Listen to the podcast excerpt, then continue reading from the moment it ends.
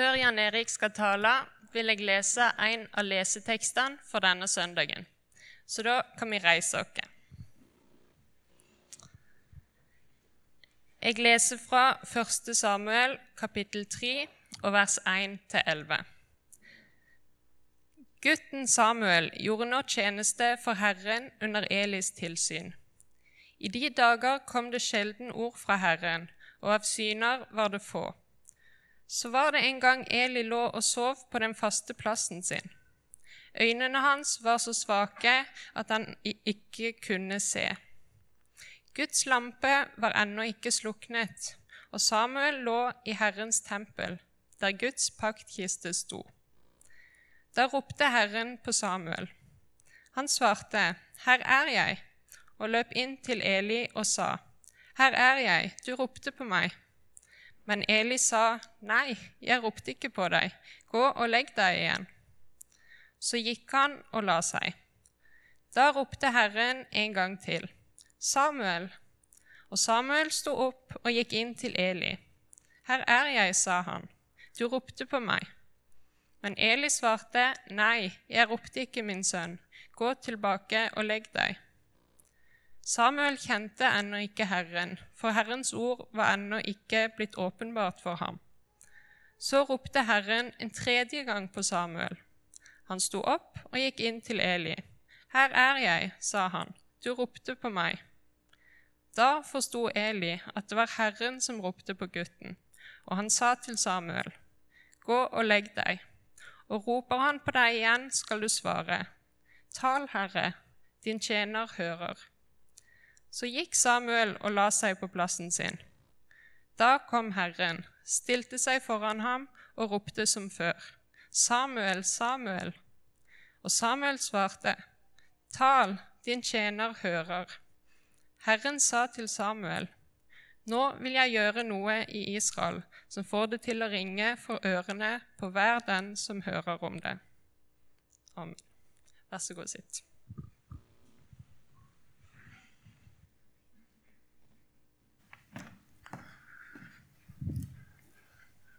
La oss be.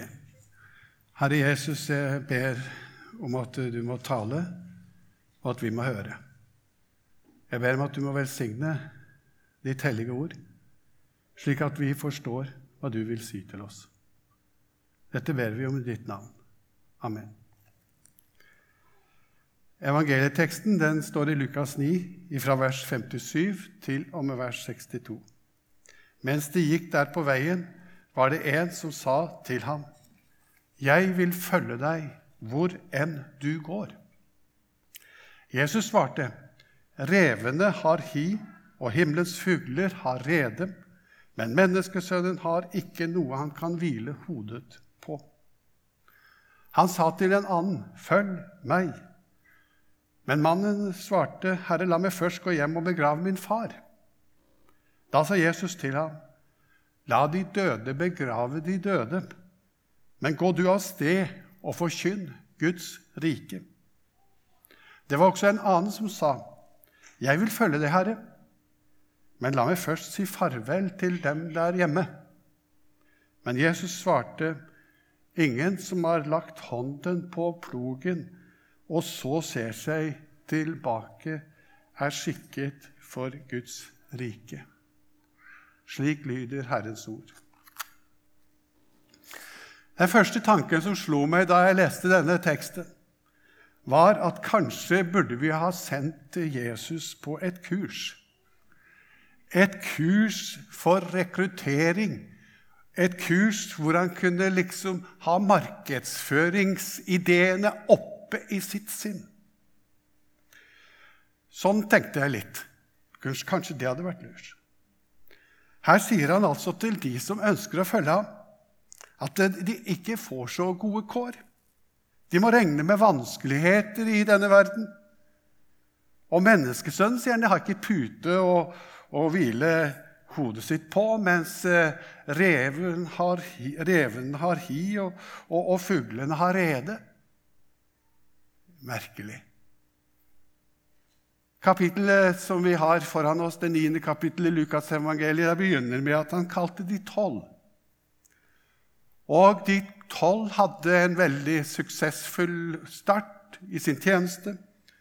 Og så kommer vi til kapittel 10, eh, og der står det at han, han kaller 70, han sender ut 70. Så noen utvikling, noen kommer allikevel, selv om Jesus sier at den som følger meg, han får ikke et problemfritt liv. Men han vil allikevel være med hver eneste dag. Hvordan skal vi egentlig forstå disse ordene som vi nå har delt i sammen? Det er litt utfordrende, kanskje.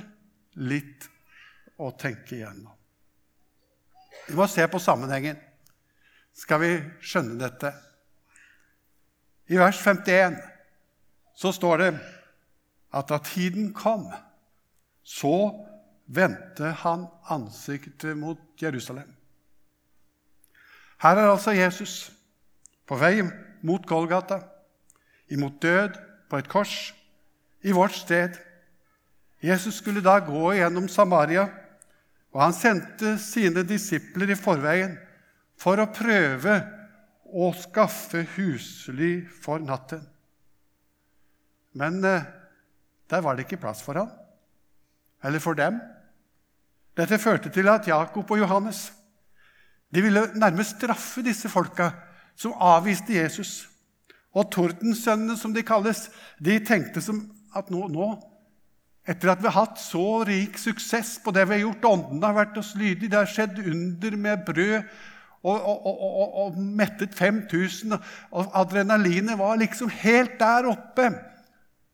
Og da sa de til hverandre, disse unggutta, nå tar vi en Elias. Det vil si, nå gjør vi som Elias på Karmelfjellet. Vi ber ild komme ned over disse forferdelige samaritanerne og så fortære dem. Det var nok litt av den stemningen som er i denne teksten.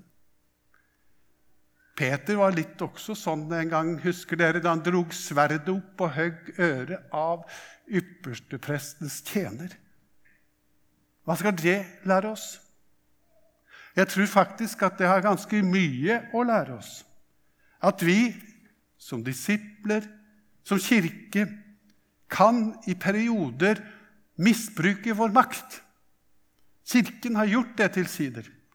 Og faren til å misbruke makten og posisjonen, den er fortsatt overhengende. Og vi ser resultatet av det i enkelte sammenhenger. Og den faren skal vi være oppmerksom på alle. Og når Jesus møter disse problemstillingene, så sier han litt om at det koster å følge han. Og han kommer ikke der på en måte og lurer folk til å bli med i hans etterfølgelse. Han bruker ordet om seg selv i det som vi nærmest kan se på som en programtale i denne teksten. Han sier 'menneskesønnen'. Tenk på det.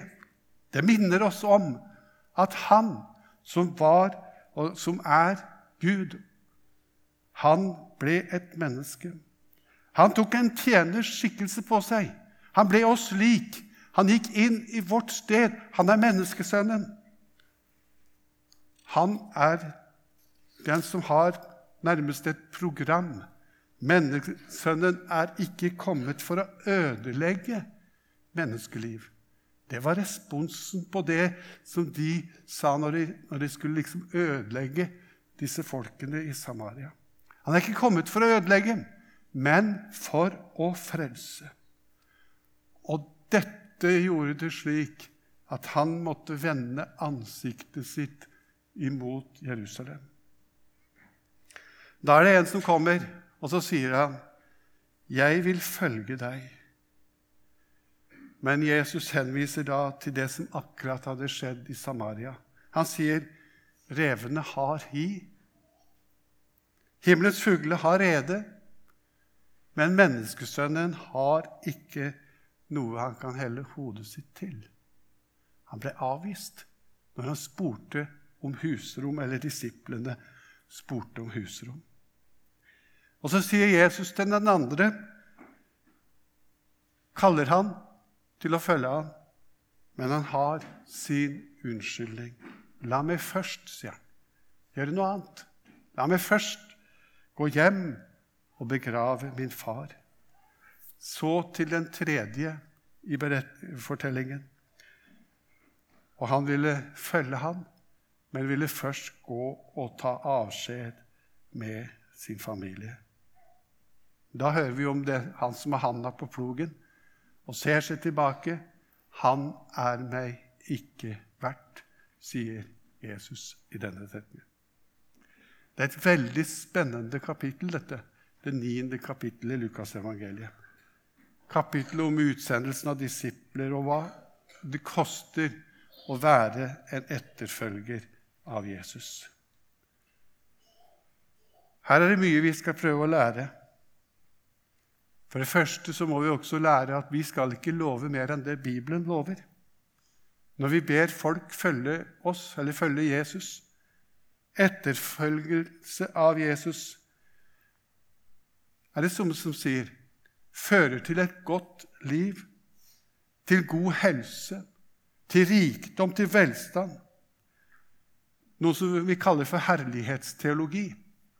Det lover ikke Jesus oss. Han, Jesus sier ikke 'bli med meg', så skal du bli veldig rik.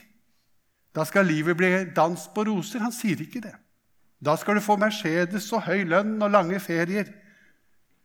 Følg meg, så er det garantert velstand. Nei, sånn er ikke Jesus. Han driver ikke med noe lureri, noen form for manipulasjon. Han kaller oss til en radikal etterfølgelse til at vi skal følge ham. Paulus var en som opplevde hva det virkelig kostet å følge Jesus. Så vi kan lese fra 1. Korinterbrev 4 noen vers der. Men for meg ser det ut som om Gud har satt oss apostler nederst.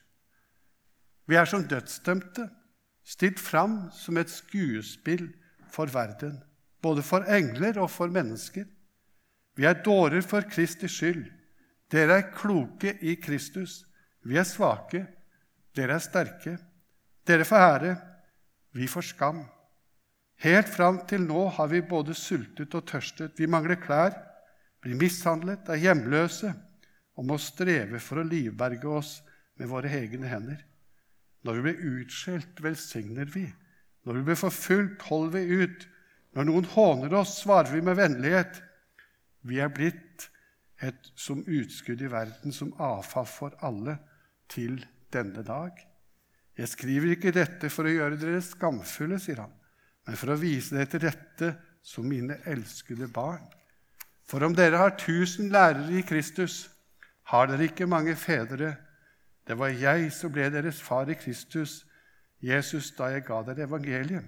Så legger jeg da det på hjertet, av meg som forbilde, sier Paulus. Et forhold som vi må ta opp her, det er hva med, med sammenhengen mellom kall og familie. Det kan være utfordrende mange ganger. Jeg tror denne teksten handler om hjertets etterfølgelse. Og når kallet til å følge Jesus kommer til deg, så er det ingen familierelasjon som er viktigere enn å følge det kallet. Og Bibelen sier mye om hvordan vi fedre eller foreldre skal være i forhold til barn og hustruer. Og etterfølgelse av Jesus vil dypest sett si å følge også disse formaningene som vi finner i hustavlene. Så Gud kaller oss ikke til noe annet enn det han sier i hele sitt ord. Det er ikke slik at han kaller oss til å gjøre noe som er vondt for våre barn og for vår familie. Vi har navn på misjonærer som har måttet begrave sine barn på misjonsmarken. Og vi har møtt misjonærbarn i samtale, eller barn til predikanter og prester, som har traumatiske opplevelser pga. det livet som de har opplevd.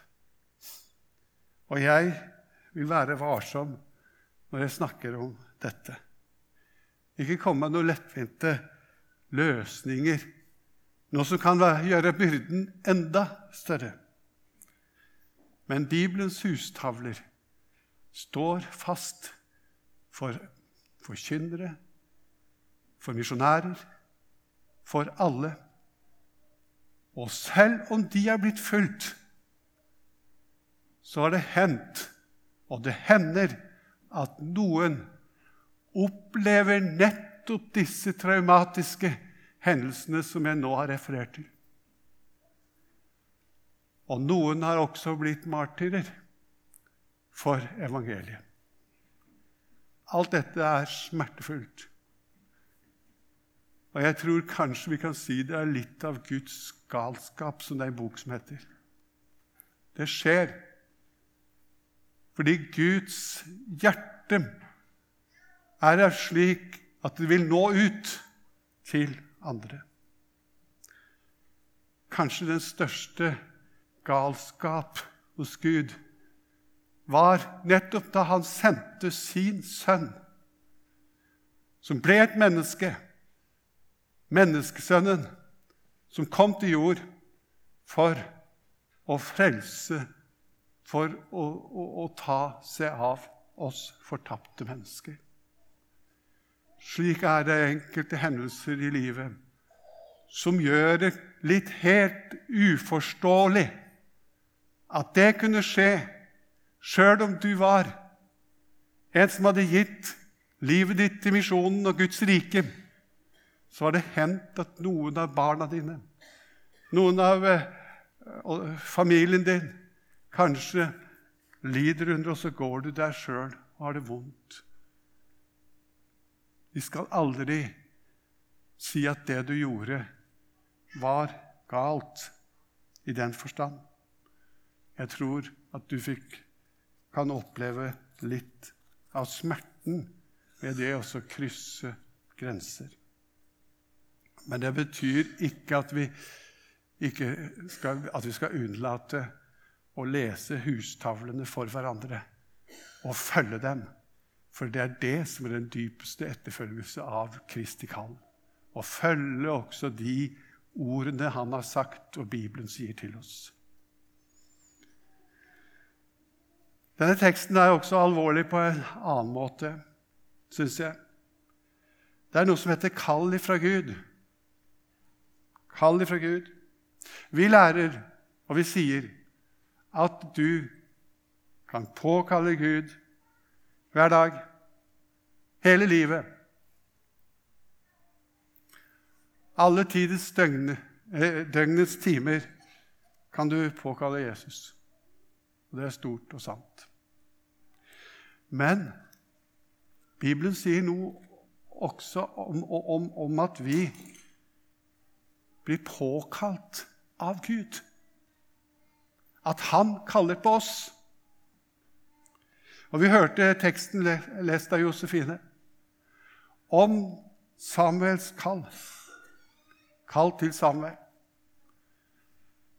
Og når det skjer, at Gud kommer og kaller deg på en sånn spesiell måte, så er det en skjellsettende tid i ditt liv. Det må vi aldri glemme.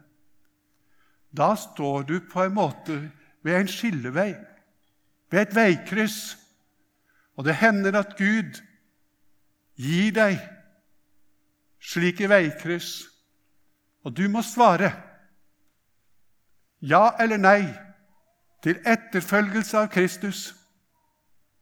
Da nytter det ikke å si at 'jeg skal først hjem til far, mor' 'Jeg skal rådføre meg med min familie.' Da er det det viktigste øyeblikket i ditt liv, da du står der og hører kallet fra Gud til frelse og etterfølgelse.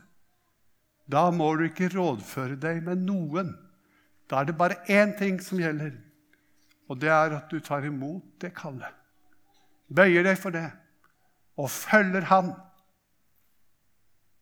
I dag, sier hebreerbrevet, om du hører hans røst, gjør ikke hjertene hårde, eller forherd ikke hjertet deres hvis du hører hans røst.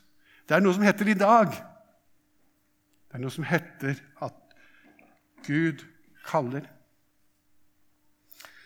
Jeg tror altså at Guds kall kan være spesielt nær i enkelte perioder av et menneskes liv. Jeg tror at Samuels historie forteller det, og det er mange andre historier i Bibelen. Det er dette disse tekstavsnittene som vi nå har hatt oppe, viser oss. At når Jesus kaller deg, så sier vi ja. Det er det viktigste som kan hende.